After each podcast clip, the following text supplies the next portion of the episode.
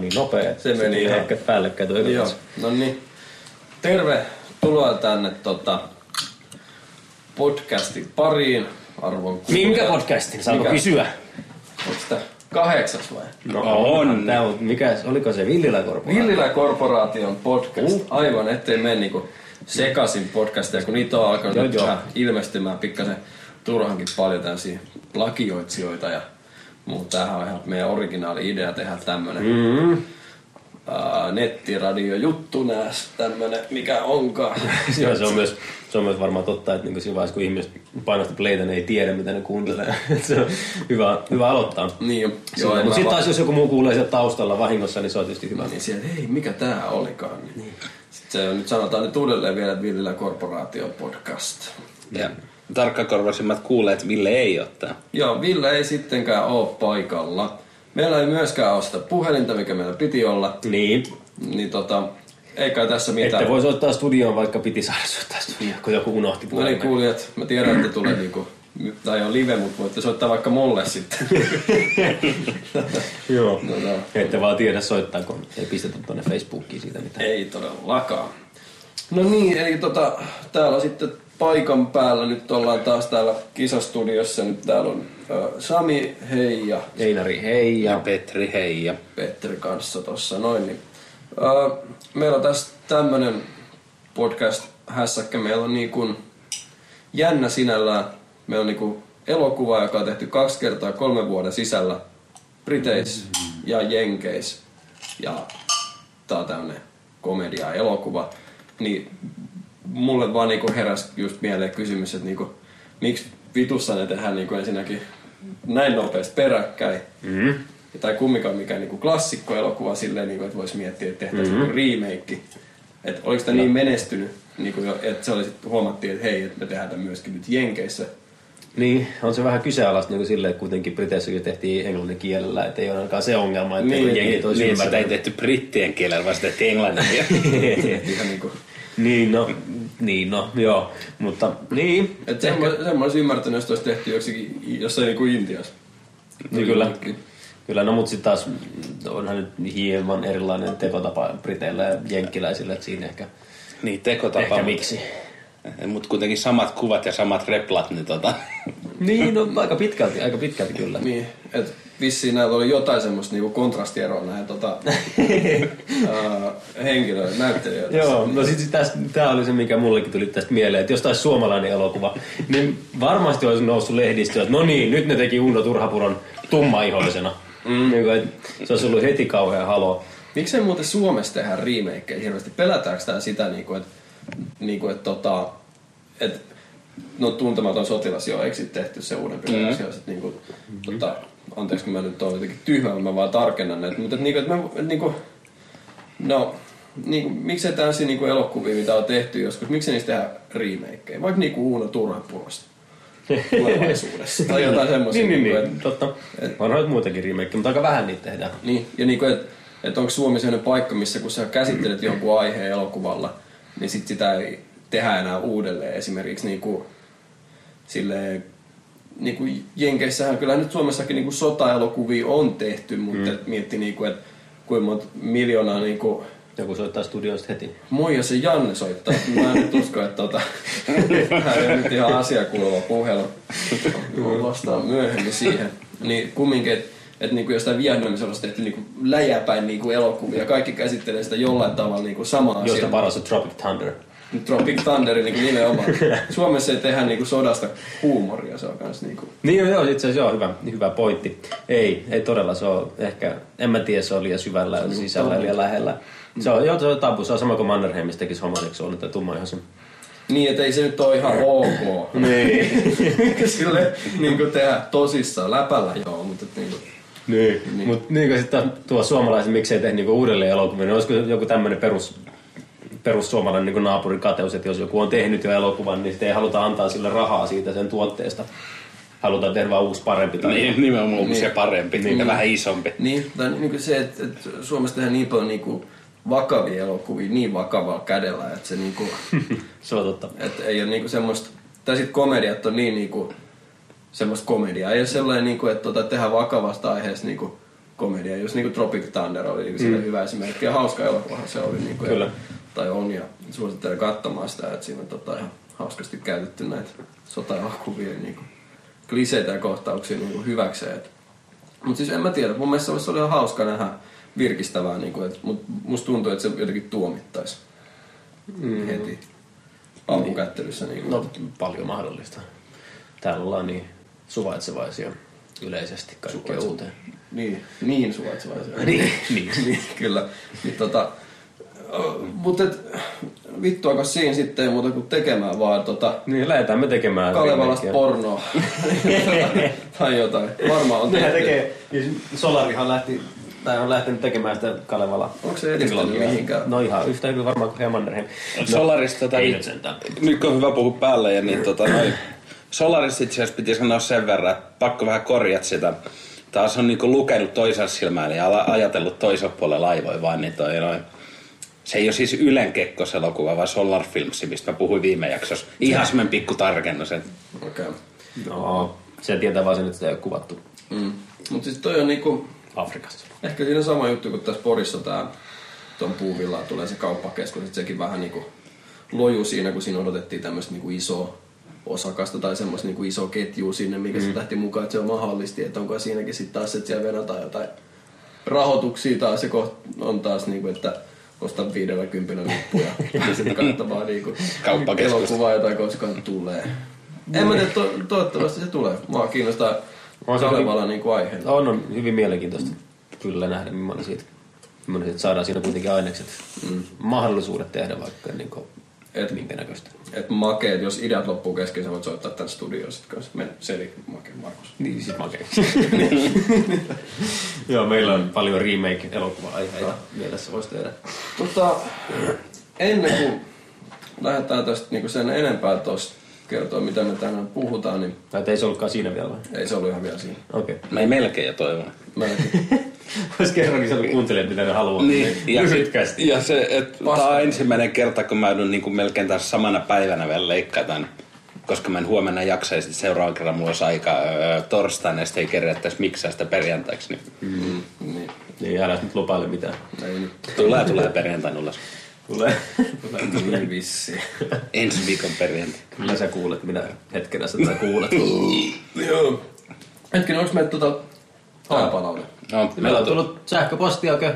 Joo, meidän tota, ihan ykkösfanilta tota, otsi, Mahtavaa. otsikko toimii niinku podcast 7, ei podcast 7 lukee tuossa otsikkona. Mm-hmm. Ja palaute menee näin. Mä luen tämän suoraan tästä paperista. Tässä. Eli lisää elokuvia elokuvateattereihin on kannatettava ajatus.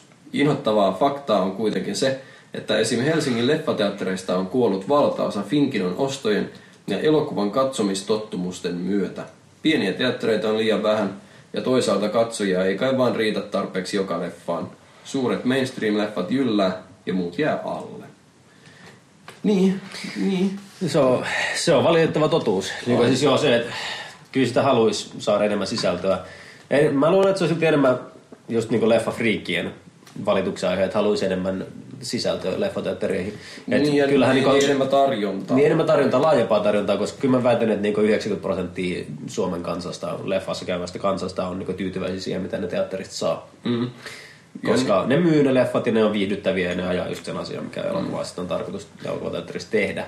Mm, ja mä en tiedä, niinku, tartuttiko tässä siihen, kun mä puhuin, että, niinku, että leffoja pitäisi tehdä enemmän niinku, elokuvateattereihin, niin mä, et, mä en ole varma. Niin niinku, siis joo, nähtävästi. Joo, Kyllä. tota, mä en ihan niinku, tätä suoranaisesti niinku, silleen, tarkoittanut, vaan niinku, se, että, että mietitään, niinku, miten elokuvaa tehdään, että sitä mietitään, että okei, että näytetään isolta kankaalta, että on ihan niinku, ylivoimainen siellä. Ja sitten sit tehdään se DVD, ja ihmiset ostaa se, jos ne haluaa. Ja Mutta, mutta sit Sitten taas- katsoo sen kännykästä tai YouTubesta. niin, kännykästä YouTubesta ja se ei niinku toimi siinä. Nimenomaan, että se toimii ainoastaan elokuvateatterissa, mikä pakottaa ihmiset menemään katsomaan niitä sinne elokuvateattereihin, että ne saa sen niinku parhaan Kokemuksen. kokemuksen siitä. Kyllä, kyllä. Niin tota, käytännössähän nyt, siis joo, kaikki leffathan melkein menee leffateatteriin, mutta et ne tehdään nyt niinku TV-levitystä ajatellen ja niinku sitä mm. myydään DVDtä ja muuta tällaista. Mutta tota, niin, niin. voi olla, että me menee tässä ajatukset ristiin tai sitten menee ihan suoraan niin kuin silleen, kun ne pitää mennä, että Niin. päällekkäin ja lomittain. Mutta siis joo, toi Mutta on, ihan molemmat, molemmat pointit on niinku Mm, mun kyllä. mielestä oleellisia, Kyllä. oleellisia. Se on sääli, kuinka niinku suppea tarjonta esimerkiksi Porissakin on, tai no ihan vaikka Helsingissäkin on niinku Niin. elokuvien tarjonta sillä, että voisi olla enemmän. Ja niin kuin tässä, niin kuin, että, että kun niin kuin pieni teatterit on liian vähän, mutta sitten just se, että uh, se on myös ihan totta, mutta tota, kyllä mä itsekin silleen, en mä nyt välttämättä sano, että mä kaipaisin mitään pieniä teattereita, mä vaan kaipaisin niin kuin niihin teattereihin, jotka nyt on jo olemassa, niin, niin kuin parempaa sisältöä. Niin, no, mutta pieni teatteri voi myös tarkoittaa, että niinku yksityinen teatteri, Niin, vaikka niin. siellä olisi niinku jalkapallokenttä kokoinen sali, mutta niinku, että se on pieni teatteri sille, että se Niin, ei ole niin, mikään niin, niinku niin, ison, kyllä. ison korporaation omistama. Raumalla, Raumalla on tää Iso Hannu, onko se vieläkin nimeltään Iso Hannu, mikä, Kyllä.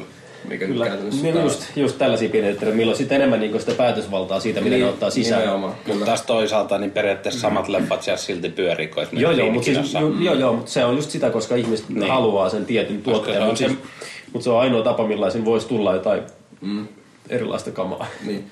Ja niin kuin just, että, niin kuin, että, että katsojia ei riitä joka leffa, se on ihan niin kuin totta, että, niin kuin, että ei niin kuin isoja katsojamääriä voi saada millään niin kuin indie-leffaa, mitä ei ole mainostettu niin Ei tietenkään, siis niin markkinointi on tietysti kaiken A ja O. Mm. Ja sitten niinku, se, että suomalaiset on muutenkin aika laiskoja käymään leffassa. Niin siis on. ihan totta tosissaan. Väkilukun nähden varsinkin, niin paljon pienempiä maita, missä käydään paljon enemmän katsomassa, mikä mm. ihmisiä vaivaa. Niin, että nimenomaan just se, että ne ihmiset pitää saada sinne elokuvateattereihin, eikä esimerkiksi sitä, että ne niinku lataa ne leffat jonkun niinku, tai katsoo niinku Netflixin kautta niinku telkkarista tai jotain mm. muuta tämmöistä, vaan se, että ne pitää saada sinne leffateatteriin käymään ja katsomaan sitä, että ne, et, et jos, jos se elokuvakokemus on niinku jopa melkein parempi kotona, niin sitten se on niinku jollain tavalla niinku voi miettiä sitä, että mikäs niinku tämä juttu nyt tässä niinku on. Että Kyllä se riip- riippuu niinku vitusti siitä, että miten se elokuva on tehty, että toimiiko se isolta kankaalta vai toimiiko se niinku telkkarilla tai mm. iPadilla tai vielä pienemmällä jollain niinku puhelimen näytöllä ja niinku tämmöistä. Et siihen suuntaan se menee, ja niinku, et tota, mutta et se on vähän niinku elokuvan kuolemaa siinä vaiheessa melkein.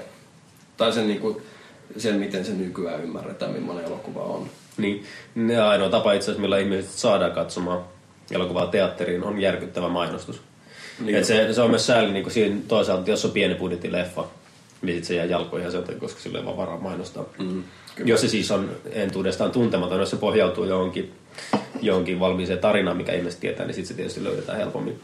Mm, kyllä. Tai tekijät on jollain tavalla sen verran isoja ja mielenkiintoisia, mm. että ne saa pääsee pelkästään sen takia niin kuin läpi. Mm. Mistä esimerkki on niin kuin esimerkiksi toi lyhyt elokuva Monterossa, mikä niin kuin pääsi tosi isoon niin leffateatterilevitykseen Helsingin alueella. Niin mm. kyllä, niin kuin niitä tekijöitä, että käytännössä niin. tyypit oli niin Sanotaan, että jos ne tekijät olisi ollut paljon pienempi nimisiä, niin en mä usko, että se olisi ollut niin iso se levitys, mihin ne pääsi. Niin no, siinä päästään taas siihen, että elokuvia tehdään aika pitkälti suhteella. Niin, kyllä. Eipä oikeastaan millään muulla muiden rahoilla ja suhteilla. Nimenomaan, just näin. Ja niin kuin se, että, että kun näitä suomalaisia leffoja nyt tuntuu, äh, mikä on hyvä juttu, niin tulevan niin kuin aika paljon koko ajan. Niin kuin, että niitä vaan niin kuin tulee ja niin kuin kuulukaan sille yhtäkkiä tulee. että Ja tänä tämmö- vuonna on vissiin tullut niin kuin, tosi paljon tehty no. leffoja vielä. Niin, kä- niin käytännössä se, että, niin kuin, että äh, kun se tarjonta on kumminkin loppujen lopuksi aika suppeeta, että se on aika semmoista niin kuin aika vakavaa Suomessa tehdään pelkästään draamaa. niin draamaa, tai sitten se on semmoista niinku, tosi ku- niinku, vähän semmoista kepeät, öö, jun, no en nyt sanoin junttikomedia, mutta sanoin jo, niin käytännössä niinku silleen, että et, sit, et miten niinku erottuu toisistaan, koska sitten taas niinku, että en mä enää tiedä niinku silleen, että et, et kuka on ohjannut minkäkin, eikä se sano mulle mitään, kun ne ohjaajat on kanssa sellaisia suht niinku tuntemattomia silleen niinku mulle henkilökohtaisesti, niin ei sieltä niinku erotu mikään. Sitten se on just sitä niinku markkinointia ja tota, että missä sitä niinku pätäkkää on, että mitä siellä lähdetään niinku tekemään. Ja... No, kaiken näköistä avautumista sitä olisi tässä taas vaihteeksi. Kiitos palautteesta. Kiitos palautteesta, se aiheutti meissä mielipahaa. ja lisää palautetta. Pistäkää podcast at villilakorporaatio.com. No niin, ja tota, nyt päästään päivän aiheeseen. Vielä ei edes kerrottu, mitkä meidän elokuvat on... Me kerrottiin jo, että kyseessä on 2007 ja 2010 vuonna tehdyt saman elokuvan nimiset elokuvan nimet, eli elokuvatuotteet, eli Aikaisemmin on tehty riteisen jälkimmäinen Jenkeistä. tämän verran me ollaan kerrottu, mistä mahdetaan puhua, kuka tietää. Nyt yleisöstä soittakaa studioon. Mikä tää, mikä tää nimi oli? Öö, En kerro. tämmönenkin jännä nimiväännöstä voisi suomentaakin niin kivasti. Se on suomennettu. Okei, ihan paska suomennos. Suomennossa tämmöinen kuin arvoituksia arkussa ja alku, arku, Death at the Funeral Niin. on alkuperäinen niin Se on- se on arvoituksia arkussa. Voi vittu. No mutta siis elokuvan nähneille, niin tuo nimi nyt on ihan sopiva. Okei, okay, joo. Otetaanko taas tämmönen kierros, että ketään on kattonut nämä elokuvat? Nyt mä ajattelin, että mä tota, no niin, kädet ylös, ketä on kattonut. No, Niin, niin kuin näitte. niin, niin tota, mä ajattelin, että mä, mua kiinnostaa nämä elokuvat, mulla on niinku, on kysyttävää näistä, eli tämä menee ihan oikein hyvin niinku mm-hmm. sen suhteen, että niinku, kun mulla on herännyt paljon niinku, ihmettelyaiheita tästä nimenomaan. Mutta tota, äh, katoiko te ekaksi ensimmäisen ja sitten tää uudemman? Joo. Kyllä. siis joo, kato, mä katsoin eilen tota, illalla ton 2007 vuoden version ja tänä aamulla ton 2010 vuoden version. Ja täytyy sanoa, että oli tosi häiritsevä katsoa ne noin lähekkäin toisiaan. Kaksi samaa elokuvaa Niin, peräkkäin. koska mä en niinku oikeastaan tiennyt vielä siinä vaiheessa, että ne oikeasti on noin samanlaisia, mitä ne oli. Mm. Ja tosiaan mä en tiennyt niistä elokuvista yhtään mitään. Ja, Mikä on hyvä lähtökohta. Anteeksi. mm. ja toi, en mä tiedä, sit mulla oli, varsinkin eilen illalla mulla oli, kun mä aloitin sitä katsoa, niin, niin mulla oli tosi paljon vaikeuksia, kun tuntui, että se oli vähän semmoista pakkopullar ruveta sä katsoa, että ei niinku ollut semmoinen niinku fiilis ruvet katsoa sitä. Ja sit mä tulin siihen tulokseen, että se leffa oli ihan hauska, mm. vaikka mä vihaan yleisesti ottaen komedioita aika paljon. Entä brittikomedioita? No, siis yleisesti ottaen komedioita. Okei. Mutta se, että siitä ehkä vei vähän mun arvoa se, että mä en ollut semmoisella niinku katselutuulla, että mä olisin välttämättä tommoista leffaa halunnut lähteä katsoa. Joo. Plus, että mulla oli myös pieni henkien taistelu, että mä pääsin katsomaan sitä leffaa. Joo, ei siitä. Uh, mä katsoin ensin 2010 ja 2007. Miksi? On siksi, koska mä olin nähnyt 2007 vuoden versio alun perin. Ja mä, ja mä muistin, että se on niinku ihan, niinku, en nyt sanoisi loistava, mutta hyvä elokuva. Ja mä halusin nähdä, että miten ne jenkit nyt sitten on ryssinyt sen hyvän elokuvan. Ja se oli itse asiassa todella häiritsevää katsoa kuitenkin noin päin. Se olisi ollut parempi, jos ne olisi katsonut juurikin Oli. oikeassa järjestyksessä. Oliko nämä tota selkeästi, niin kuin, että miettii tätä niin kuin brittien ja jenkkien välillä, siis niin kuin esimerkiksi oliko tekotapa niin kuin jotenkin eri, että oliko se suunnattu, niin kuin voisi kuvitella, niin kuin, että jenkkiversio voisi olla ehkä suunnattu vähän nuorempaan. Tai silleen, niin kuin, että oliko se mitään semmoista niin kuin No siis en mä tiedä, mulla jäi semmonen mielikuva, että se jenkkiversion niitä juttuja selitettiin vähän niinku tarkemmin. Että jos siinä niinku kerrottiin joku asia, niin mun mielestä jenkkiversiossa kerrottiin vielä vähän niinku suoraviivaisemmin, että se varmasti kaikki ymmärtää.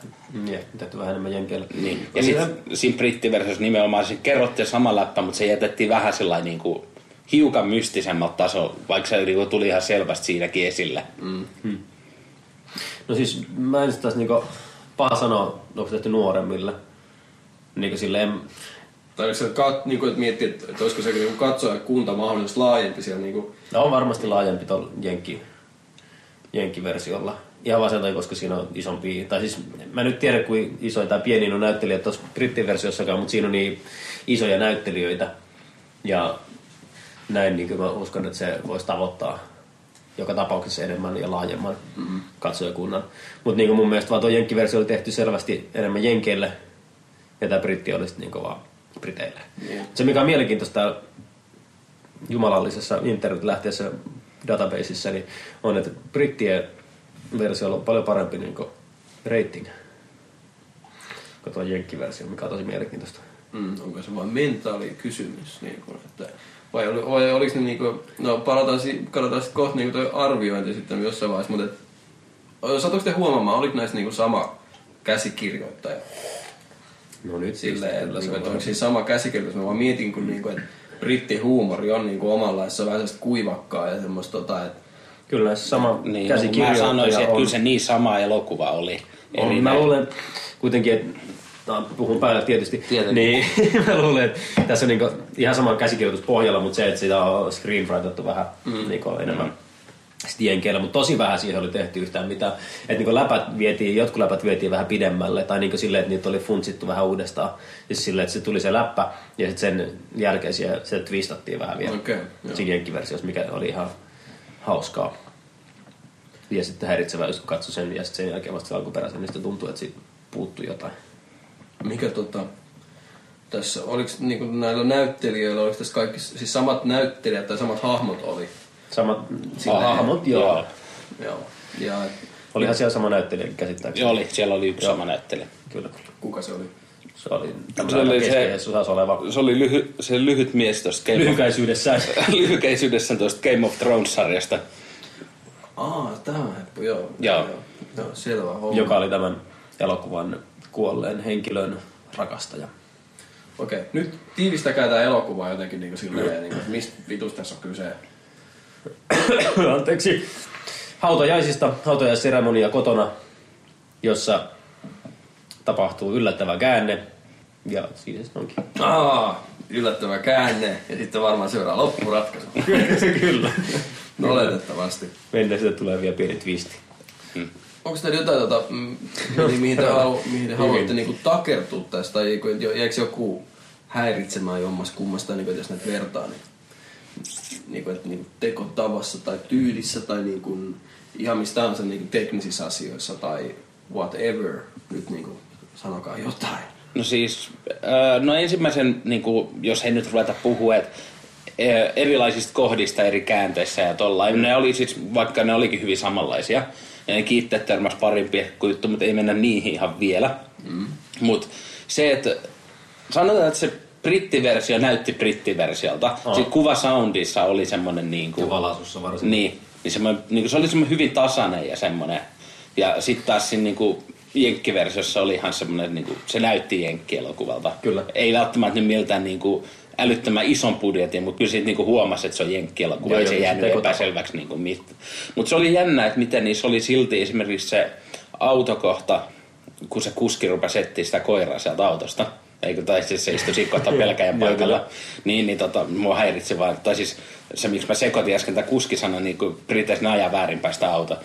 ja se oli kuski siinä ihan alussa. Niin alussa se oli kuski, mutta sitten se ei enää ollut kuski siinä kohtaa, Kyllä, kun se koira. etsi sitä koiraa. Ei vaan se, etsi sitä koiraa. Niin mä ajattelin, että koira oli kuskina jossain aikaa.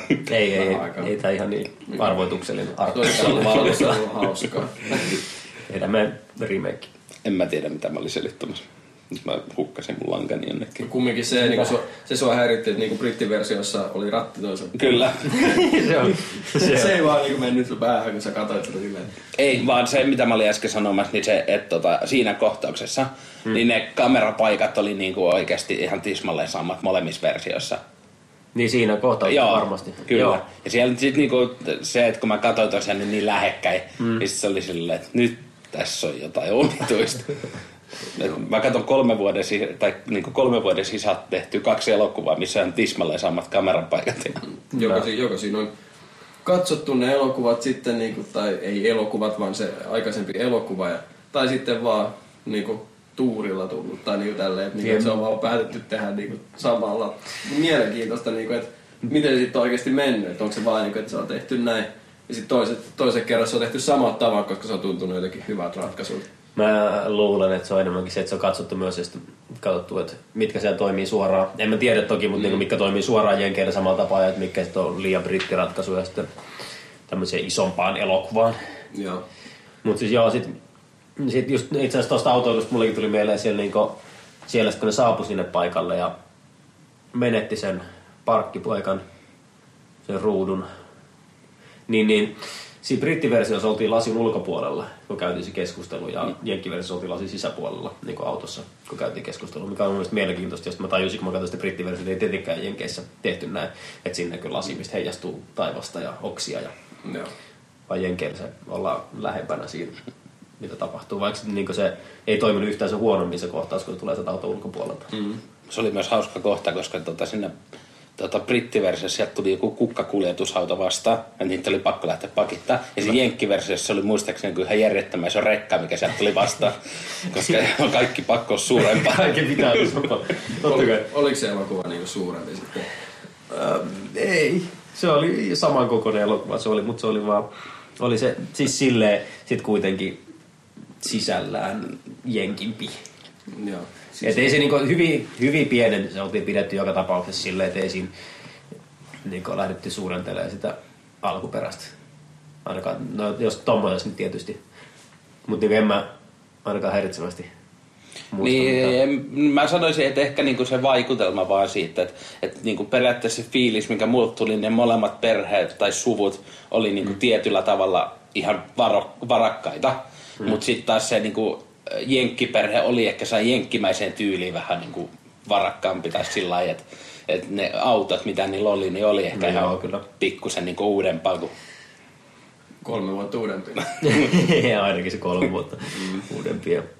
Mitä Se on totta. Oliko ne, oliko ne kestollisesti jotain isoa heittoa? Ei, mielestä eroa? oli aika saman mittaisia. Ei, ei mulla mitään faktaa ole. Onpas mulla faktaa. Mm. No siis, Joku puolentoista tunnin pintaa. joo. Jenkkiversio oli kaksi minuuttia pidempi. Jumalauta. Siellä oli vähän enemmän tekijöitä, siellä oli pidemmät loppuun. se voi olla, että se teki. Se voi olla, että se teki sen. Jenkkiversiossa oli myös isompi budjetti. no niin. Jenkkiversiossa oli semmoinen 20 miljoonaa ja brittiversiossa budjetti ei ollut lähelläkään sellaista, se oli semmoinen yhdeksän. Et, Mutta oliko se puntaa? ei kyllä se oli dollarissakin. Jumalauta, sielläkin käy siis dollari. Mä luulen, että tietolähteeni saattaa olla muuntanut sen. Niin, sekin, se, sekin on jenkkimyönteinen. Mutta siis, niin kuin, että, mut näkyykö se siinä, että siinä on niin paljon enemmän käytetty rahaa? Sama elokuva. Uh, ne, ei. Ei, ei, ei. Se, ei. se on, no siis Jenkeissä varmaan sit muuten vaan menee sitä rahaa paljon enemmän sit elokuvan tekemiseen. Niin. Käytännössä Ja varmaan myös näyttelijöille maksetaan eri verran. Joo, että tuossa voisi periaatteessa varmaan laskea sen, että jos haluaa tehdä tämän budjetin tai tämän olosen elokuvan niin Briteissä tai Jenkeissä, niin tietää, että pistää muutama rahan enemmän sivuun sitten. Niin, että niinku, että kaksi kertaa, niin, kaksi kertaa niin. määrän pyöreästi niinku rahaa. Et, sit kun sä tulet Suomeen tekemään, niin sä voit taas jakaa sen niinku puolella.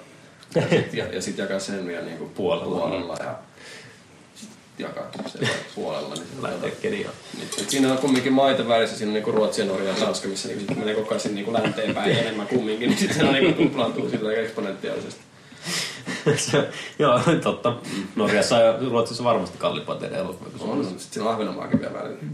Huh, Tarkoittaako tämä siis, että Venäjällä on halvempaa tässä elokuvassa? Joo, Todellakin. Koska mietitään, kun mennään Intiaan ja Kiinaan, totta, taas toiseen suuntaan. niin, niin kuin, tää mun mielestä tässä niin Suomi on niin kuin tää, jos mietitään niin kuin, uh, että Jenkkilät on täällä niin kuin äärivasemmalla, mm. täällä on niin kuin Intia ja Kiina, tää Korea, niin kuin täällä toisessa ääripäässä oikein, mm. en mä siis tiedä, että on vaan niin kuin tämmöinen oletusarvo, niin siinä mennään siellä siis, niin kuin, että Suomen tarvii muuttaa omaa paikkaa maantieteellisesti, että se saa niin kuin enemmän rahaa niihin elokuvatekoihin. Kyllä. Musta tuntuu, että tämä on aina oikea ratkaisu. Mä en kai keksi mitään muuta muuta kuin lähteä vaihtamaan Suomen paikkaa niin kuin fyysisesti. Sen takia tuolla pohjoisissa tehdään niin paljon leppoja, kun siellä on käsivarsia, se on aika kumminkin vähän niin kuin meillä ja Norjan puolella. Niin, kyllä, ja sen takia ne maksaa siellä vähän Siellä on aina, siellä on niin kuin vähän sitä, niin kuin, no, mitä saa tänne, tänne pari miljoonaa lisää tähän niin budjettiin, kun nyt lähdette sinne pohjoisiin Niin, kylmä ja kaikki. länteen päin vähän. Poroja Iso, iso maailmaa kohti, sit niin banane maailmaa. Kumarratte kohti Amerikkaa kuitenkin. Mm. Ja äh, niin, äh, katselukokemuksena kumpi on mukavampi katsoa? jos mä aloitan niin tosi lyhyesti, että mä voin jatkaa, mä oon Petri tilaa, niin tota, mä, niin kuin mä sanoin, oli tosi häiritsevää katsoa tuo jenkkiversio ensin ja sitten niin brittiversio. Että olisi pitänyt tehdä se toisinpäin. Jatkaa sä nyt. No tota, mä sanoisin mun mielestäni, jos mun pitäisi nyt vielä katsoa jompikumpi uudesta, Oh. niin mä katsoisin sen brittiversion, koska siinä jenkkiversiossa, tai siis mä jotenkin tykkäsin enemmän siinä brittiversion sitä, no kyllä se varmaan oli päähenkilö, se Daniel. Niin, niin tota noin, siitä, että se oli siinä ehkä vähän semmonen, ei niin itsevarma.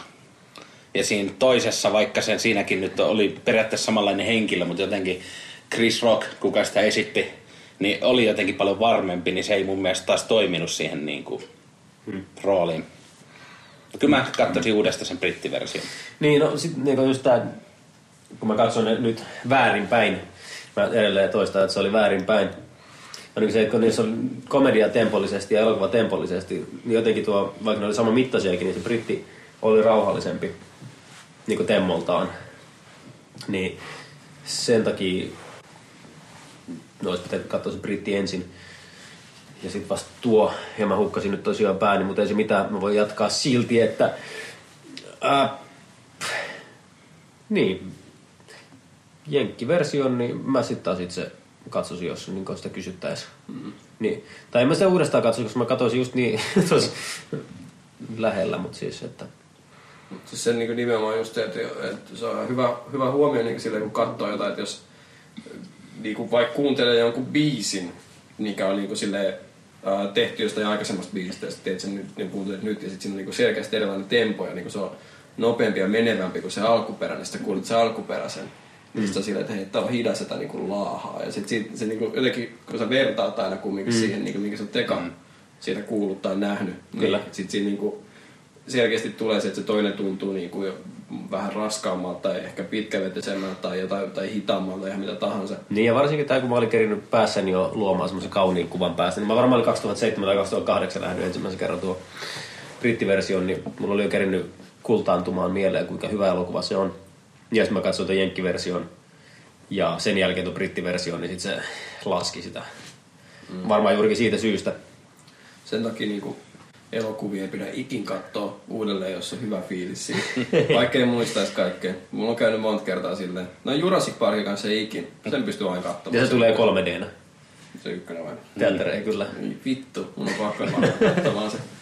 Voi me, voitais melkein meidän piti sanoa. Pitäis mennä katsomaan se.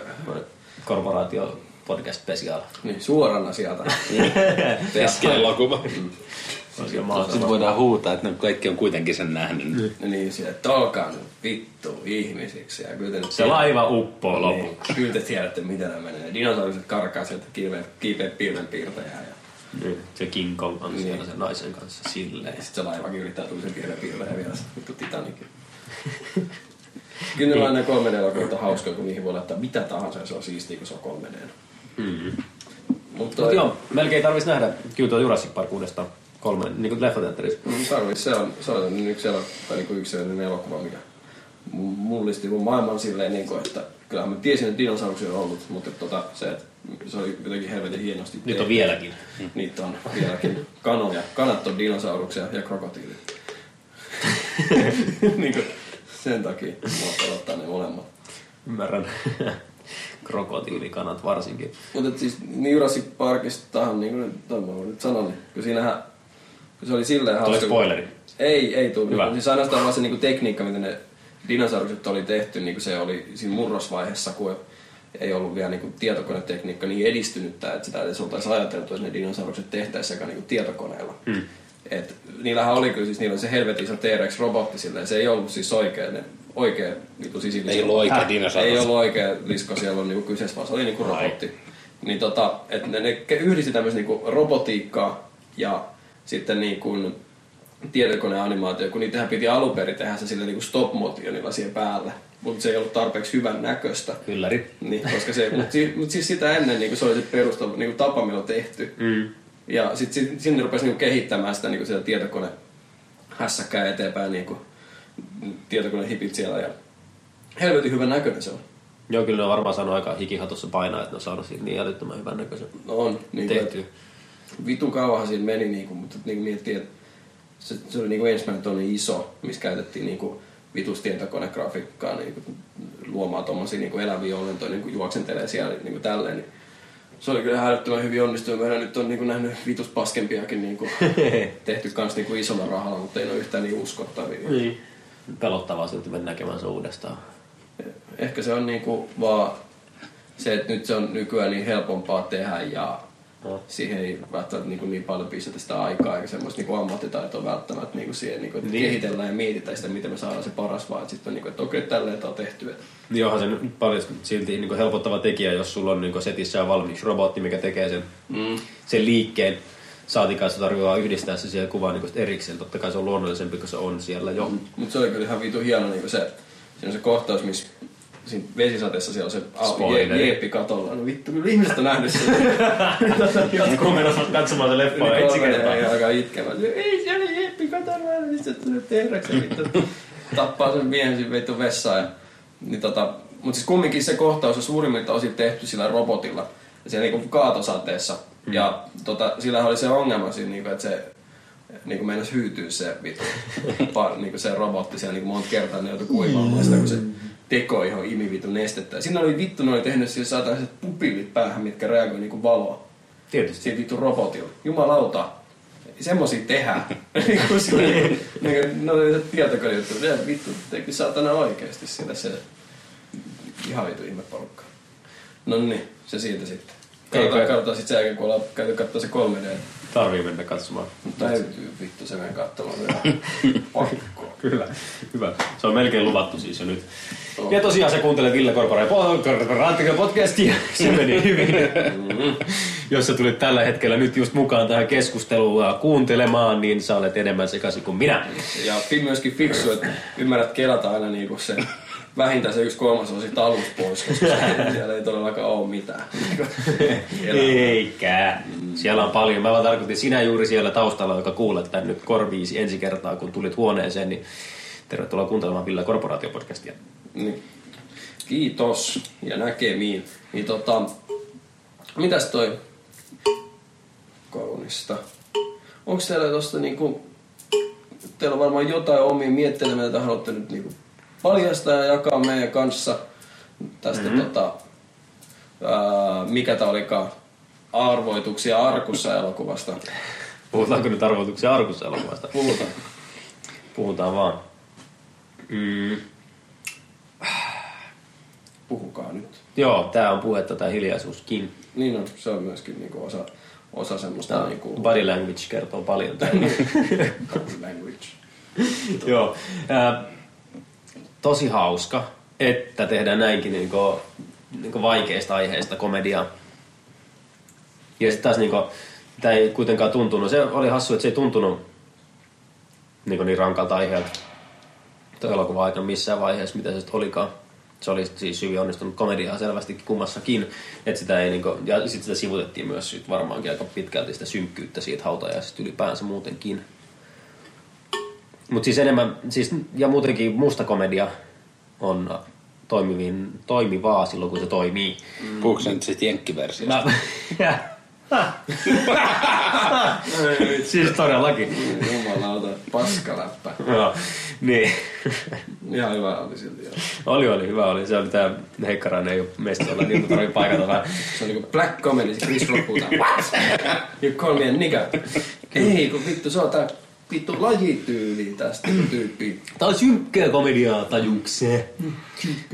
Niin, no, joo, se mikä oli myös, niin kun tuli tosta, mm, tosta mieleen, oli se, että jos jenkkiversiossa ei missään vaiheessa tätä, tätä, tätä miesystävää, salamiesystävää rakasta niin sit puhuttu, niin sanottu millään herjaavalla nimellä niin ennen kuin sitten se oletettiin kuoleva. Sitten vasta puhuttiin niin little people ja niin tälleen. Et ennen sitä, sitä välteltiin niin sanomasta mitään niin väännöstä siitä, että kun se oli lyhytkasvuinen. Siinä oli varmaan ollut pidättelevistä. Niin varmasti. varmasti. Sitten kun oli tajuttomana siellä mestolla, niin sitten ne, sitten ne vasta puhui siitä avautumisesta, mikä oli mielenkiintoista. Koska mä odotin siinä, kun mä katsoin sitä, että miksi, miksi, miksi ne kiertelee sitä noin. Ja sitten kun se tuotiin sieltä, niin se nyt oli selvääkin, että se kierrettiin sen takia, että se tuntuu, tuntuu enemmältä sieltä, kun se lyödään, lyödään sitten kasvoille. Ja yleisesti niinku niinku solvauksista ja niinku esimerkiksi jostain, öö, mä nyt suoraan, mä en nyt rupea haukkumaan tästä ketään, että niinku, voitte loukkaantua, jos tykkäätte, mutta niinku fyysisistä, vaja, fyysisistä vajavuuksista tai niinku. Iho, ihon väristä, erilaisuuksista, niin kaikesta tällaisesta, niinku, siis ihan sama mitä on, niin mun mielestä niinku, niistä pitää repiä huumoria mahdollisimman paljon mahdollisimman roisi, koska siis jotenkin niitä vaan niinku pelätään silleen, niinku, että hei, et nyt niinku, vittu toi menee yli. Mutta sit, siinä vaiheessa, kun sä onnistut loukkaamaan jotain silleen, niin sit sä oot niinku aika lailla onnistunut. Niinku sä, niinku, että tota, et siinä pitää olla jotain semmoista niinku potkua kanssa. Kyllä mä nyt ymmärrän, että pitää olla jollain tavalla korrekti, eikä saa niinku loukata ketään niinku, silleen, niinku ihmisenä suoraan, tai no saa. Kaikkea saa niinku tehdä, ei se turha varovaisuus sinällään on niinku ihan ihan penaalista. Mutta toi, mikä mun pointti mahtoo olla?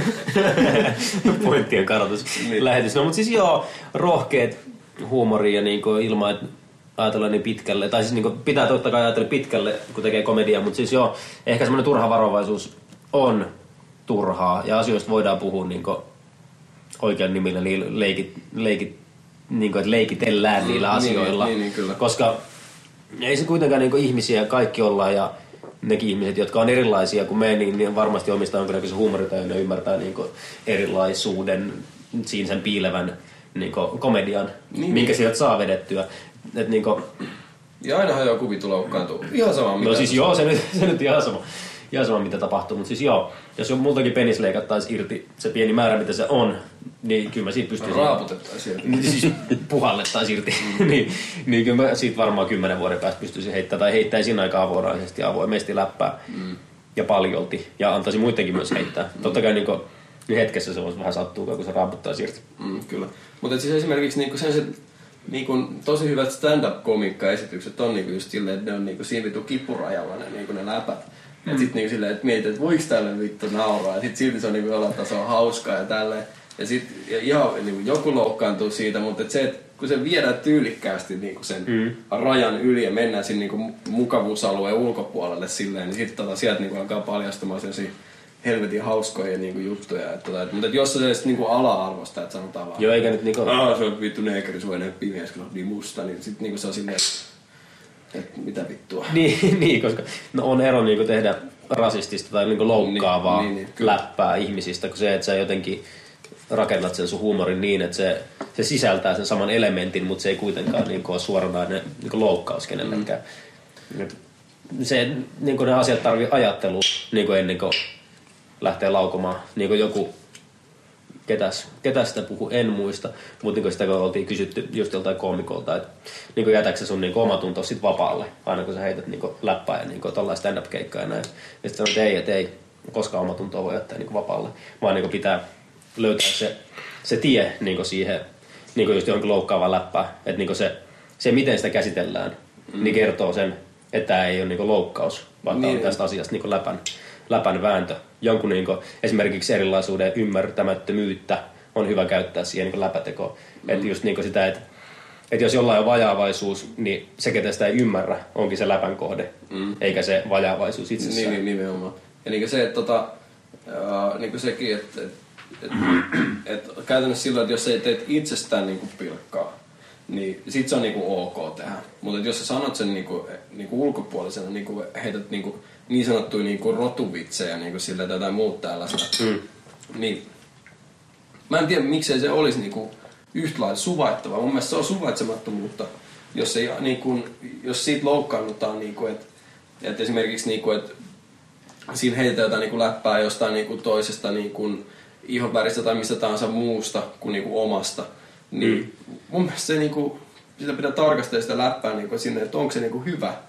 Ei niinku se, että niinku, et, hei, et sulla ei ole mitään oikeutta sanoa tolleen, koska sä et niinku kuulu siihen. Niinku, et, Niin, niin kyllä. et, mutta siis senkin, senkin tarvitsee tehdä niinku taas tyylikkäästi ja sille, että se on niinku halven, tai niinku silleen halventavaa, niinku, että et sit taistii jonkun vihan tai jonkun tämmöisen. Mm, kyllä. Niinku, et sit, sit se on niinku, sellainen vihapuheiden pitäminen, niin se on vähän jo ala-arvosta. Mm, en senkin- suosittele.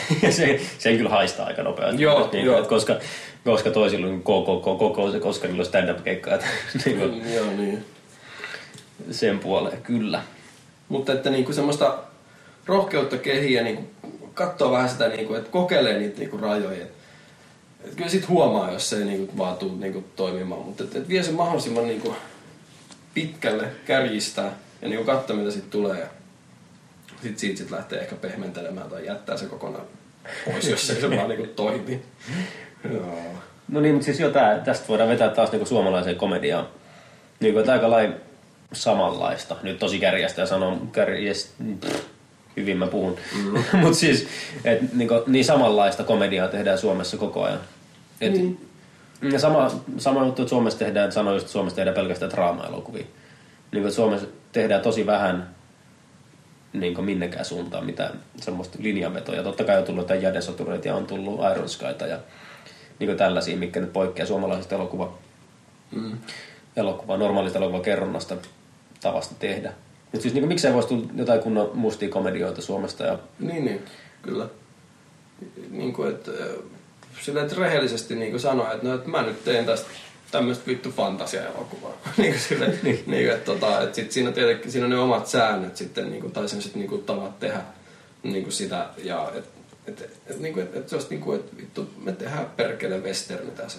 Ei mikään, että tää on tämmönen westernin tyyppinen draama-elokuva, vaan niin kuin, me tehdään vittu westerni, tässä on vittu draamaa ja komedia ja tässä on vittu kurjia ihmiskohtaloita ja niin on kaikkea tämmöistä. Mm, mm, Tota, semmoista, niin kuin, että tai vittu mä haluaisin nähdä jonkun niin kuin elokuvan, mikä tehdään jollain helvetin pienen budjetin, mutta sitten se on just kertoo jostain Jeesuksesta niin kuin Suomessa. Tai siis joku tämmöinen, niin että jostain, niin kuin, tai siis ihan jotain niin kuin, aivan vittu päätöntä. Niin kuin jotain muuta kuin silleen, semmoista perushöttöä, mitä niin kuin voidaan tehdä pienen budjetilla. mm. Et se idea olisi joku niin kuin, aivan päätynyt, niin kuin, tosi kaukaa haettu niin kuin, jotain vittu dinosauruksia niin kuin, särkänniemessä. jotain tommosia. kuulostaa hyvältä elokuva. Niin Dinosaurukset Särkänniemessä, se on vähän niin kuin kuunaksi. Laskee siellä tukkijunaa. Ei tukkijunaa, kun mikä se on se tukkikoski juttu, mistä menee se dinosaurukset siellä. Se on hattaraa ja delfiineet siellä. Antakaa rahaa, Yle, Niin, niin. joku. Joku, ketä nyt kuuntelee tätä, kello on niin vittu ku- kukkaronöörit vähän niin kuin löysemmällä siellä, niin Vähän mieli löysää ja kukkaro löysähkö. Niin, niin. Nyt ei puhut, puhut niinku siitä kukkarosta. löyhää, löyhää moraalia niin kuin. kaikkea, kaikki mikä on löysä on hyvä. enemmän, Todellakin. mitä enemmän löytyy löysää, niin sen isompi mies on kyseessä. Niin silleen kaikki, kaikessa määrässä. Vittu. Kyllä se on, kun sitä kuoppaa kaivaa, niin se vaan jossain vaiheessa sieltä ei pääse enää ylös. Ei. Se vaan on niin, niin fakta. Ei vaan välillä kiinnosta vittu niinku kiivet. Miksi kiipeys saa vielä kaivettua? Kyllä Mä voin lopettaa se siihen niinku kohtaan sillä kun mä oon siellä huipulla, eli pohjaa. Niin, jos katsoo toisesta suunnasta, niin tosi huippu, tosi pohja, tosi pohja, Jos, jos tosi huippu. osaisi olla hiljaa, niin mä olisin. Jos, haluaisi olla niinku myös. se niinku, että kun tehdään niinku jotain, niinku, että vittu, no, tarvii tehdä itse sitten saatana. Mä teen ens, ens, seuraava elokuva, minkä mä teen, se kertoo vittu Jeesuksen ristiinnaulitsemisesta. Tota, jostain vittu näkövinkkelistä, en mä tiedä. Mutta tota, mä teen sen, mä teen sen 20 eurolla vittu. No huhu. Juu, mä teen Väläri sen. messi. Hyvä. Et varmaan toi, sitten kun joulu on, niin voi olla, että saatte tota nähdä toi noin. Tota, pienen Jeesus-elokuva. Toivottavasti mä. Oi, oi, oi. No se on ihan hyvä, että me ei pelkästään istuta perseellä, me valitetaan suomalaisen elokuvan. Niin vaan me tehdään kyllä siellä jotain. Niin. Tai ainakin niinku, niinku sanotaan, me tehdään. Ja se on paljon. Oh. Mut joo, niin paljon. tota, ä, eli ennen joulua niin me tehdään joku Jeesus-elokuva teille ja toi noi, toivottavasti se lokkaa jotain ja toivottavasti joku saa sitten jotain päähänpistoja, että menenpä nyt ristiinnaulitsemaan. Oman pikku Jeesuksen. niin. Se on niinku kehdosta ristiin niinku tää se on se. Vittu. Kehdosta Cradle ristiin. to Cross. Se on niinku Cradle to Grave on se tota, uh, mm. missä oliko se Jet Li vai mikä siinä oli tota, näyttelijässä. Uhuh. Se joku vittu taisteluelokuva. Josta tuli mieleen niin Iron Fist. Hetki. Josta tuli mieleen, että katsoin juuri Iron Sky-elokuvan. Josta tuli mieleen Quentin Tarantino Presents. Oliko se Iron Fist? Vai oliko se joku Master of Iron Fist? En minä enää muista. Taisteluelokuva. Helvetti. Kun eikö sen niminen vanhempi joku kung fu leffa kanssa ole? Ihan vitu varmasti. No odotas nyt sitten, tarkistetaan, puhukaa jotain pojat. Iron Fist. Niin. No mitäs me puhutaan? No, onko meillä jotain niinku oikeasti aiheeseen liittyvää niinku sanottavaa? Olis mulla taas vielä yksi semmonen juttu, että No sano. oliks tota, no kun sä et nyt Sami niitä kattonut just Mä tähän haavaan, Haluaisin silti vastata. mutta Aina voi oliko sulla Einari jotain toi semmoista, mikä häiritsi sua jommaskummassa elokuvassa niin ihan todella paljon? Että joku näyttelijävalinta tai... Tota, puhu mä voisin kertoa, jos mä keksin tässä samalla. Niin No siis tota, mä sanoisin, että sen jenkkiversiossa se pappi. Joo. Koska tota, ainut elokuvarooli, missä mä oon itse siihen sillä niin törmännyt, mm. Unelmien sielunmessussa. Siellä loppupäässä se iso tumma mies, ketä tota, maksaa siellä naiselle, mikä loppujen lopuksi päätyy tota, siinä tupladildo-kohtaukseen siinä loppuun. Niin sun tuli mieleen yhtymiä. Joo, siitä papista. Niin. Niin se oli jotenkin semmoinen tosi häiritsevä katsoa sitä henkilöä siinä papin roolissa, kun ainut mistä se muisti oli se unelmien sielunmessu. Niin Niin, no, mulle ei tullut onneksi tuommoista mieleyhtymää. Uh, enkä mä kyllä keksi, että niinku, mikä mua siellä olisi jo älyttömästi häirinnytkään. Oikeastaan. Ei, mua häirin- häirinnyt tässä kummassakaan versiossa niinku mikään No joo. näyttelijävalinta. Joo, on kyllä kumma. Ei kai sitä niinku... Niin, no mitäs vittua siinä sitten? Niin, se on kyllä sitä juuri itse. Mutta niinku, voisiko tehdä joku niinku suomalainen niinku Da Vincin koodi niinku... Suomalainen Da Vinci Code. The Man with the Iron Fists. Man with the Iron Fists. Okei, okay. Yes. onko se Quentin Tarantino Presents? On, se on presents. No mitä vittua se esittelee siinä? No se esittelee sitä elokuvaa. Niinku onko se. Mi, mikä tää? Niinku vittu tommoset niinku jutut niinku oikeesti. niin Se on se nyt niinku ihan siistiä, että niinku, sillä nyt on niinku suoraan, että et jos se laitetaan tää tähän vittu, niin ainakin jotkut tulee niinku, sit niinku sen takia katsomaan se. Tai niinku, että et jos Quentin Tarantino suosittelee, siis Quentin Tarantino suosittelee myös niin paljon paskoja elokuvia. Ja se, se itsekin sanoo, niinku, että ne on niinku, silleen, niinku, paskoja elokuvia omalla tavallaan ja niinku, silleen, että se tykkää katsoa niinku, niitä. Niin en mä nyt tiedä, onko se mikään niinku, sen meritti, niinku, että sama, no niin, joku. no, väitän, en- että se lisää myynti.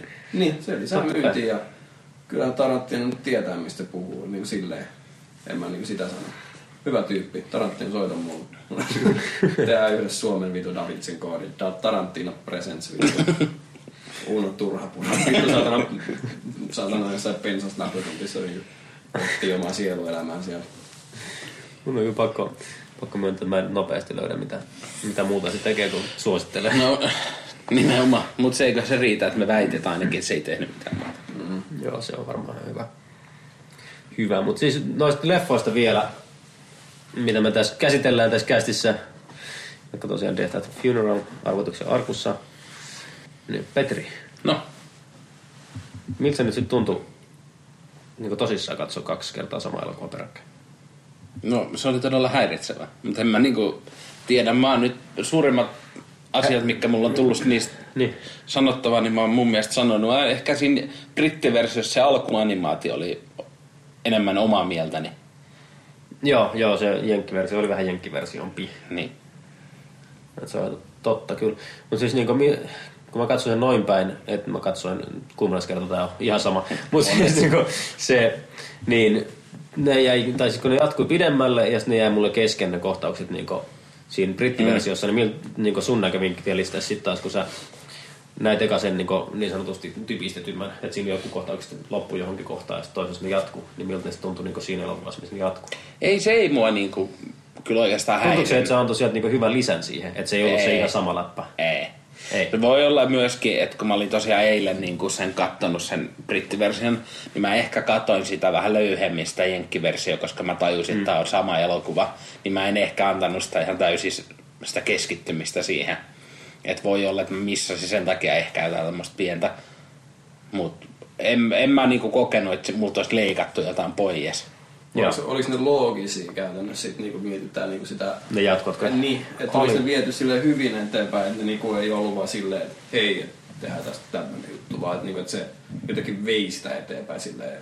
No siis sen kokonaisuuden niin kuin eteenpäin viimeisestä niinkään, mutta niin kuin, sit, että se vei sitä läppää, se jatkoi sitä läppää, että vistasi sitä vähän vielä. Joo. Niin se oli mun mielestä ihan freshia niin kuin, siis silleen, että vaikka se oli täysin sama elokuva kahteen kertaan, niin silti se oli kiva, että se antoi lisää siihen Mm. Niin kohtauksiin, joka sitä aiheutti mulle sen, että mulle ei puuttumaan.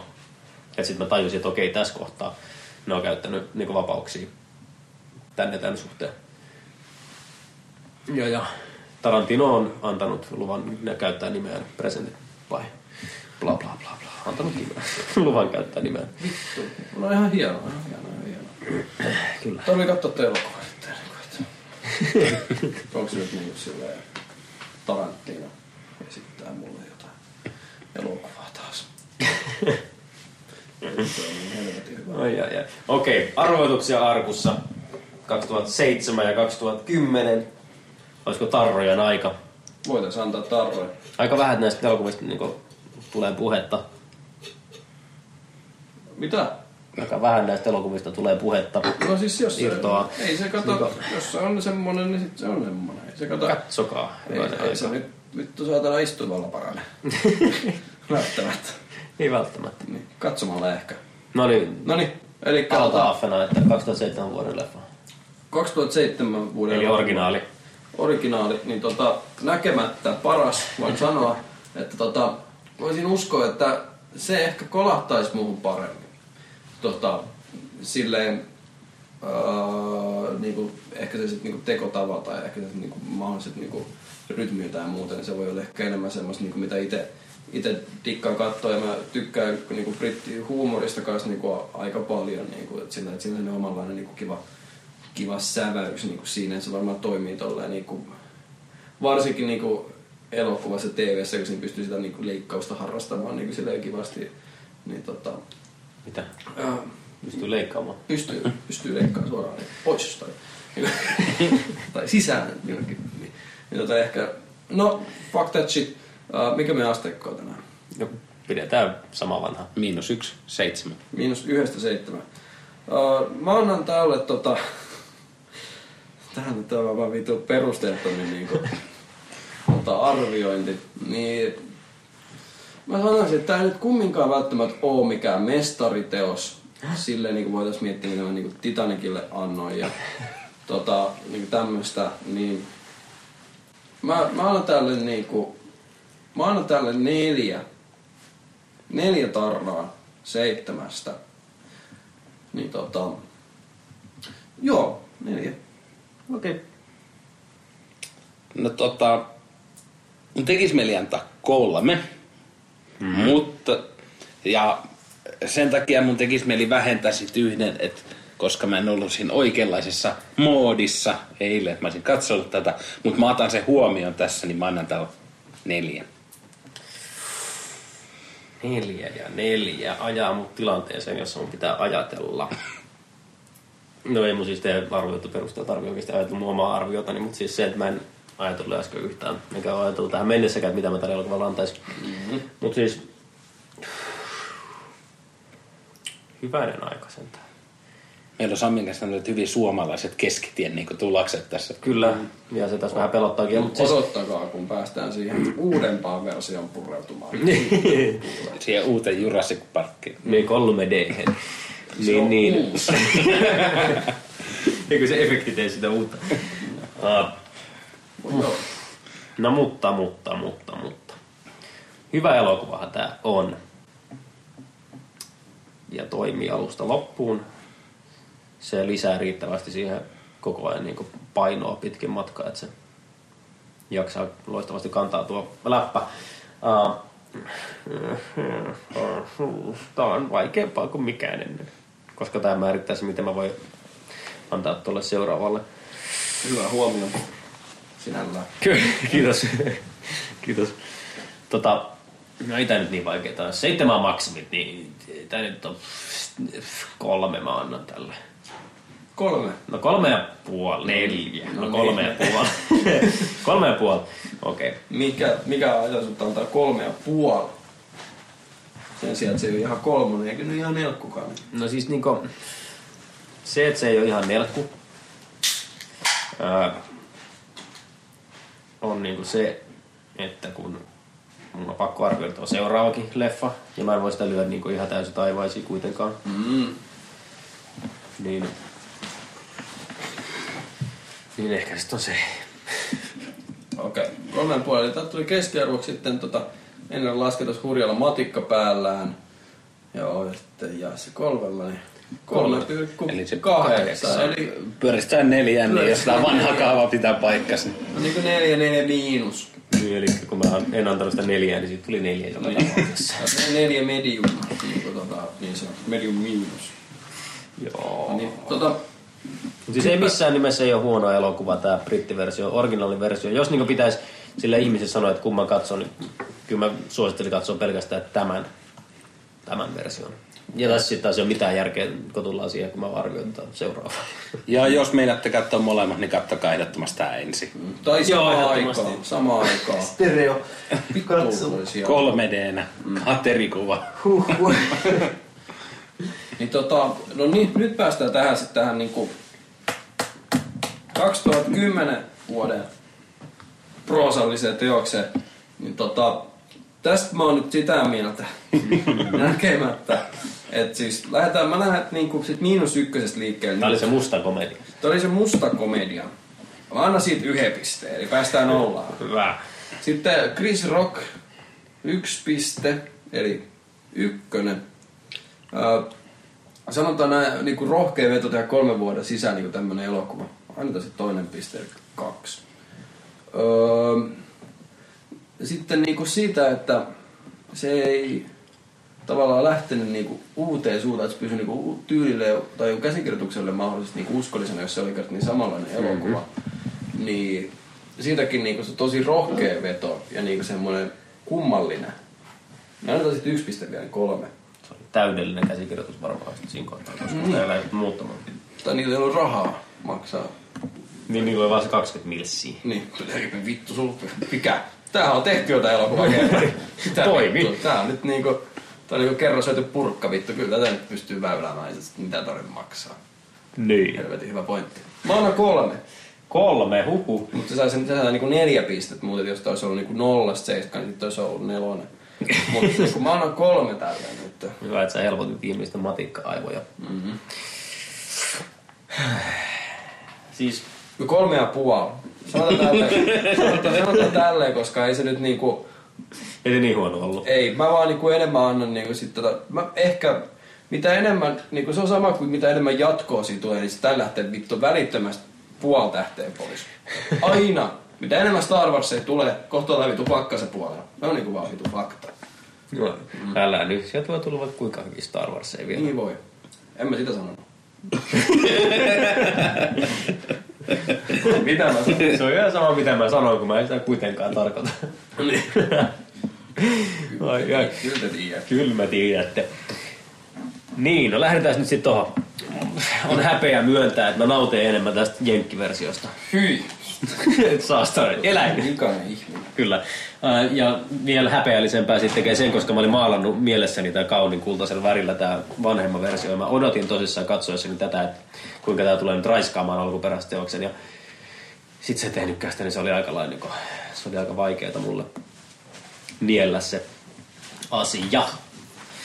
Mutta siis joo, mä tykkäsin siitä, niin kun sitä läppää tosiaan heitettiin ja väännettiin ja sitten siinä oltiin luotu vähän niin kuin lisää, lisää semmoista läppää, mitä tässä ei ollut tässä brittiversiossa esimerkiksi. Että niin tämän päähenkilön nainen, tai ne halusi niin hankkia lapsia, tai lapsen, ja tässä brittiversiossa sitä ei ollut. Ja sitten siinä tuli se aspekti, että se muija olisi halunnut paneskella, sit kun sillä oli just se oikea hetki. Ja sitten sit olikin hetki, jossa se äijä luuli, että se muija tulee taas pyytämään, niin sit se ei ollutkaan sillä asialla liikenteessä, mikä oli tosi hulvattoman hauskaa. Joo, mutta siis se, että siellä oli kikkailtu, siis se, pieni vapaus, mikä sinulle on annettu, niin se teki mun mielestä hyvää. Ja sitten se, että niinku, se läppä toimi. Se sama läppä toimi ihan yhtä hyvin kuin tuossa edellisessäkin.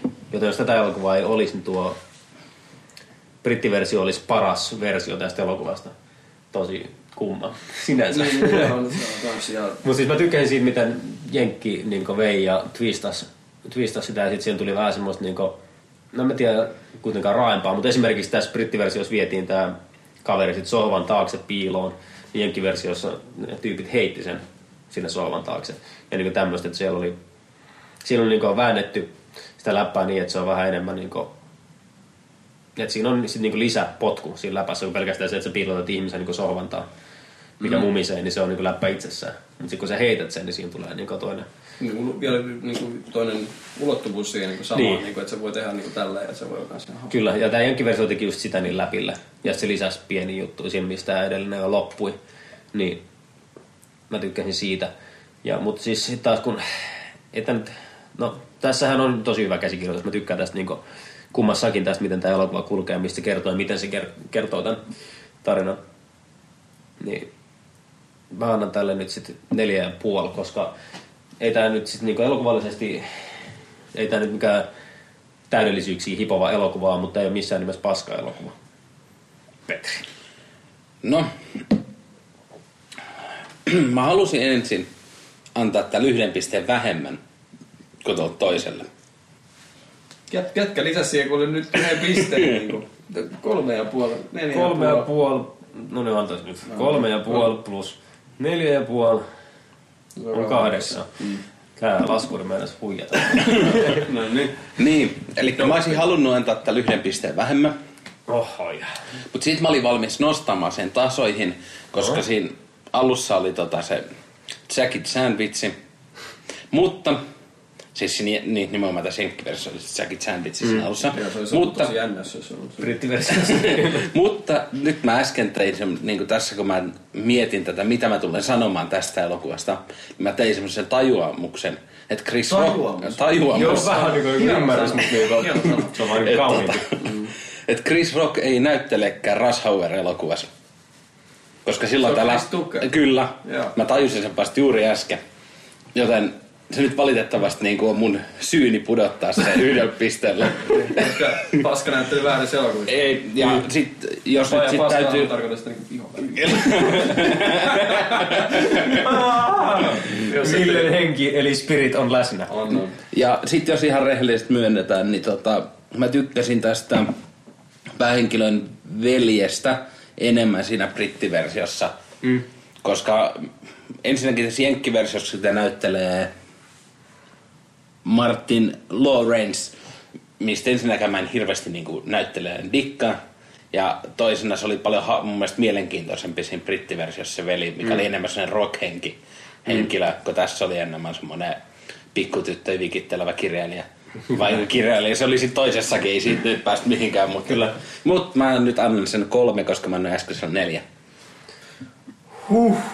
Eli nyt päästiin jännittävään tilanteeseen, niin tästä tulee aika lailla tasapeli, mutta ka- 0,2 desimaalin erotuksella. Ooh. Niin tääkin nyt, Historian pienin niin kuin tääkin nyt käytännössä pyöristetään ylöspäin 3,6.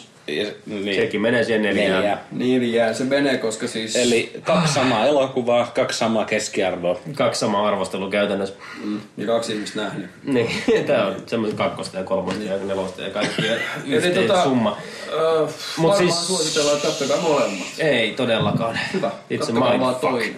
No ei, sitäkään. Älkää kattoko yhtään. Katsokaa molemmat on kuitenkin. Mä päädyin kuitenkin siihen, mutta se, miten nämä pitäisi nauttia, olisi varmaan se, että katsoo sekä se ensimmäisen versio, pitäisi se kolme vuotta taukoa ja katsoa se toisen versio.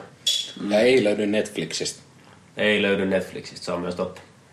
Sillä perusteella tällä kertaa varattu, varattu näitä. Eli tota, mutta joo, se, että kannattaa pitää vähän aikaa välissä, tai no siis en mä tiedä, tarvitseeko kolme vuotta, mutta niin se, ettei kannata saman päivän aikana katsoa näitä molempia, eikä seuraavanakaan päivän varmaan kannattaa antaa aivoja levätä, välissä. toipua. Joo. Uh, mä, mutta jos mieleen niinku, tällainen ehdotelma, niinku, että jos niinku ensi podcastiin, niin tota, En mä puhuttu podcasti pullo. no vittu aika siinä, kyllä se on juotu jo tänään. niin tota, uh, että vois tehdä, pitäisi se sinne, katsottaisiin vähän niinku, joku suomalainen niinku dekkari ja sitten ruottalainen dekkari. Saataisiin haukkua suomalaista dekkarin valmista vai? Siis niin. niin kuin, että otetaan joku sellainen niin kuin hyvä suomalainen, niitähän on, niin, siis on, kyllä Suomessakin on niin kuin hyviä niin kuin, dekkareita. Mä en nyt nimen rupea sanoa, mutta ei mitään vareksia välttämättä tule katselemaan niin silleen. Ne ei nyt ole niin kumminkaan sillä, sillä tavalla niin dekkareita kuin ne ruotsalaiset on. Niin kuin, että, niin kuin, kirjoihin perustuvia tämmöisiä dekkarihahmoja, mistä tehty mm. niin kuin elokuvat silleen, niin kuin, että, tota, että, niin kuin, että se ei nyt ihan niin kuin samassa mun mielestä mit, niin kuin, genressä mennään elokuvat. Mm-mm. Niin, että joku sinne suomalainen, voitte laittaa ehdotelmia. Suomalainen western ja ruotsalainen western kanssa. Niin. Ja te voitte joka tapauksessa laittaa ehdotelmia, jos te haluatte, me käydään jotain tiettyjä elokuvia läpi. Mm. Se olisi kans ihan virkistävää itse asiassa, että mä aina Ja joudu itse päättämään. totta noi, palaute olisi edelleen tosi kiva. Joo. Joo. Ja studioon Ihmiset hei- saa soittaa. Niin, soittakaa nyt studioon, jos Tai pystytte. ensi kerralla. Ehkä ensi kerralla kuitenkin. Se, että... Siis mikä vittu tää on, jos tää ei ole puhelin? Tää on puhelin. Se on eri puhelin. Se, kato, puhelin on niinku riippuvainen siitä liittymästä. Oi vittu. Mitä tää tapahtuu? Nykyaika. Sille, kyllä se vaan niinku on niin selvää silloin, kun oli puhelimet töpselitkin seinässä. Ja niinku, että Sä tiesit, että se oli puhelin. Niin kuin, sillä mikä- ei mikä- Mitään muut pystynyt tekemään kuin puhelee. Tota niin, Käytännössä. Niin, mutta tota, lähettäkää hei ehdotuksia. Mihinkäs niitä voi lähettää? Äh, mikäs vittu se osoite on? No siis podcast at villillakorporaatio.com. Meidät saa myös kiinni Twitteristä at osuuskunta. No siis me ollaan osuuskunta itse asiassa. Mm-hmm. Ja sitten tuota, Facebookissa meidät löytää facebook.com kautta VK-podcast. Ja puhelimeen voi laittaa myös viestiä, joka on 040 444 71 79. Juu, nimenomaan tekstiviestiä ja itsestänne alastokuvia. Me voidaan näyttää niitä podcastissa kaikille. Kyllä, ja te kuulette sen sitten. Niin, niin tota, mut niin, niinku semmoista tällä kertaa varmaan. Onks kellään mitään loppu summa summarumia tässä? Niinku Summa surround, summa surround. Summa surround. Se, että niinku, kri- kriitikot on vihannut jenkkiversioa ja tykännyt brittiversiosta. Kriitikoit nyt ei kannattaa uskoa, meitä kannattaa. Aina uskoa. Me emme ole kriitikoita. Tota, me vaan Olemme. leikitään olevan. Me olemme kuluttajia. Mm. Erittäin suuria kuluttajia. Ihminen on, ihminenhän on niinku kuluttaja siitä asti, kun se syntyy kuolemansa saakka. Ja sen jälkeenkin vielä kuluttaa. No niin, sitten on aika antaa vähän takaisinkin päin. Mutta tota, näihin masentaviin puheisiin. Ei, sopii joulu- tunnelmaan Death niin. at the Funeral. Ja jouluodotusta ja Joulun odotusta tänään oli Arvotuksia. 15.11.2012. pori. Ja tota, nähärää. Mm. Ensi kertaa. Lopetaanko me tätä taas jotenkin typerästi? Öö, Joo. mihin, miten me lopetettaisiin tää tällä kertaa? Ei me saada lopetettu mitenkään. Ei. Ei. Ruvetaan nyt läpisemään läppiä tästä vaan niinku läppä, tämä, pälä, pälä, pälä, pälä, läpä, Okei. läpä, Pää, pää, Tuo loppus, Läppä. loppuspiikki, Läppä. loppuspiikki. Joo, siis heitä loppuspiikki. Eikö oteta uudelleen? Ne leikkaa silleen, että toi nauru tulee niinku jonkun läppä perään. Sitten mä oon. Kiitoksia, tota, hyvä juttu. Niin tota, aa, siinä oli tämä kerta Mä toivon, että sä et leikkaa niin tota, tätä loppua. ja mm, ö, niin Death at the Funerals, kattokaa, uh, ihmeessä kattokaa elokuvia, kuluttakaa niitä. Ja Me ei sitten kun, olette, kuluteta sitten kun olette ostanut, niin laittakaa jakoon, kiertoon niin sanotusti. Että tota, sillä niin fyysisesti se DVD. Niin Niin mä, mä ajattelin, että onko se nyt oodi piratismille. ei, ei, siis niinku samalla lailla kuin miksei vittu ole silleen, kun on kirjakerhoja, missä niinku, tiedätkö, luetaan joku mm. kirja niinku, silleen, ja sitten niitä vaihdellaan siellä niinku, ja vittu, miksei elokuvista ole samanlaista? Miksi elokuva on korkeakulttuuria? Näihin tunnelmiin. Niin. Hyvää yötä, rakkaat kuulijat. Ja Päivää ja niin poispäin. Ei mitään. Hei hei. hei.